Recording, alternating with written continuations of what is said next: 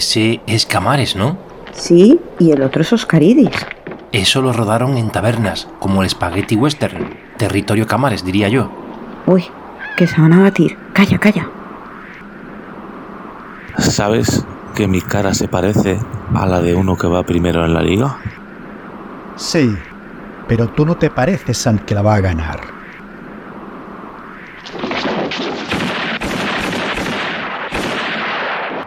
El mundo se divide en dos categorías, los que llegaron y los que están por llegar. ¿Y tú? Tú ya pasaste la historia.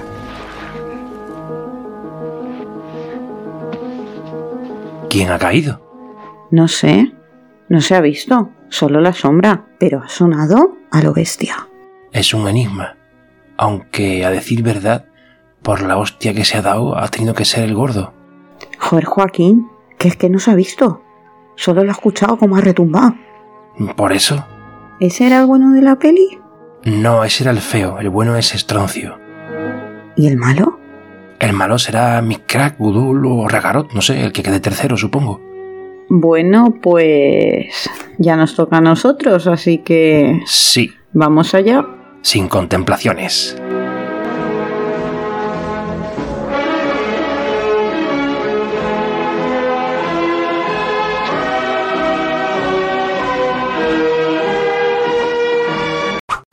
Os voy a quitar toda tontería. Tengo en mi vara veneno amasado. ¡Subí a cruz y vivo! ¡Ato!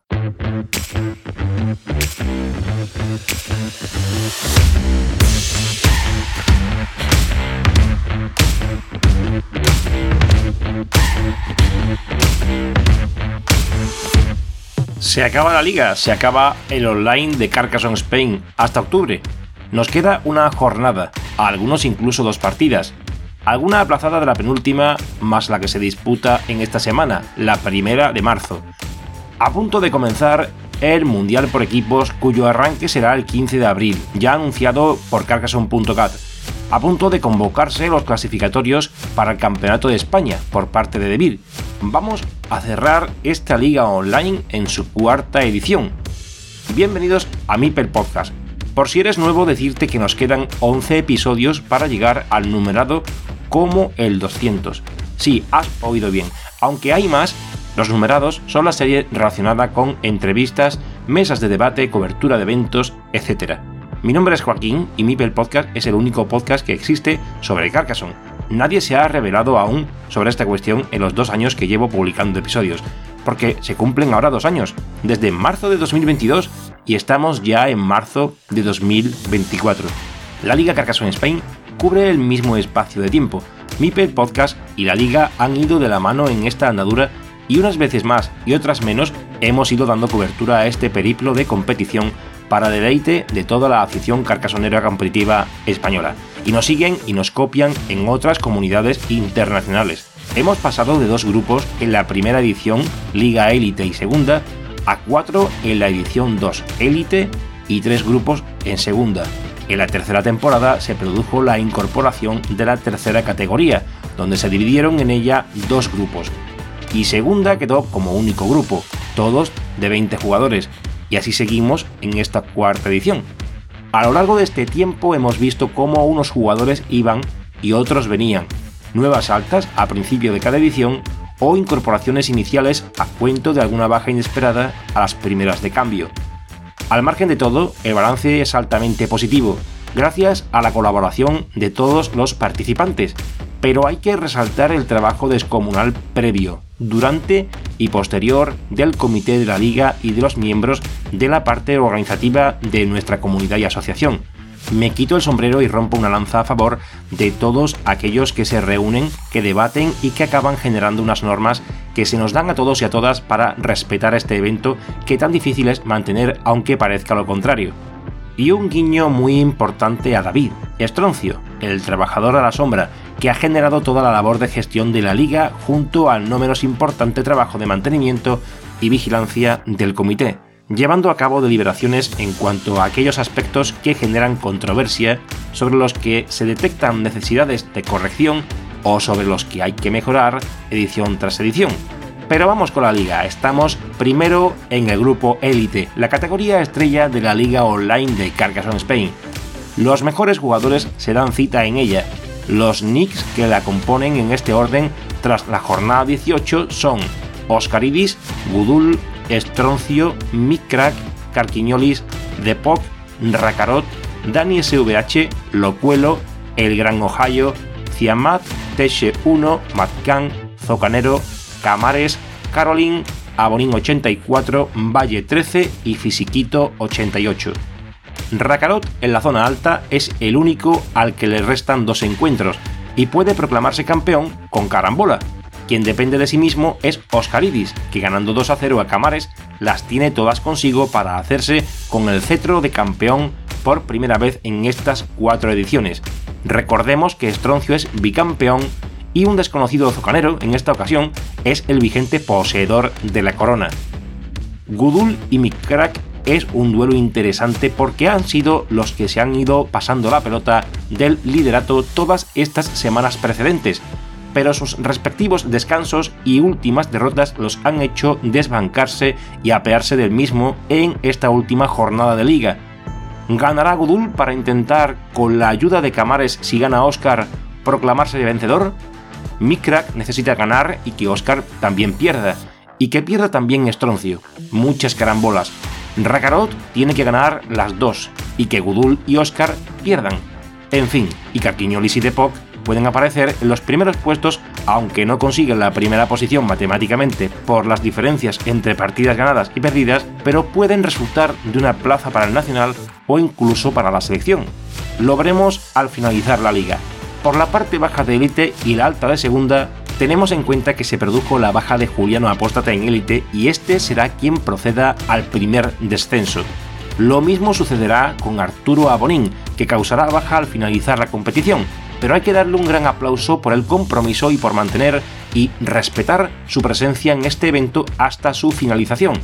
Una vez termine la liga, estos dos jugadores serán los descensos directos de élite y ocuparán su lugar dos ascensos directos desde segunda, puestos que luchan los jugadores Pfeiffer y Miguel Eiffel y de Dude, contando con que Miguel Pfeiffer tiene aún dos cartuchos en la recámara, dos partidas por disputar y va el primero. El segundo, Miguel Eiffel, va el segundo empatado a puntos con Pfeiffer, pero con una sola partida pendiente, y de Dude, un punto por detrás, tiene dos duelos para poder ponerse en primer o segundo lugar. Veremos cómo termina la cosa esta semana. Justo por detrás le siguen Rafa, el actual campeón de España, y Cube, Pandemias y Zika, todos con 9 puntos, es decir, dos menos que de Dude, por lo que sus aspiraciones pasan por clasificarse en puestos de promoción. El peor parado en este sentido es Zika, pues solo goza de un encuentro para situarse en esa zona y por detrás le persiguen Alfamar y Douglas GTI con dos partidas por disputar. Aunque lo tienen complicado, nunca se les puede olvidar. Ya con esos mismos puntos, con 8, que Alfamar y Douglas, pero tan solo con una partida por cerrar su periplo en esta edición están Ardacho y Alberto Cabé, que prácticamente no tienen opciones claras de adelantar al resto y en este sentido los jugadores de élite que ya se encuentran en situación de promoción son Fisiquito y Valle, que ya nada pueden hacer para desquitarse, y de los tres que quedan con 7 puntos, dos caerán dentro de este ciclo de promoción, que pueden ser Caroline, Camares y Zocanero.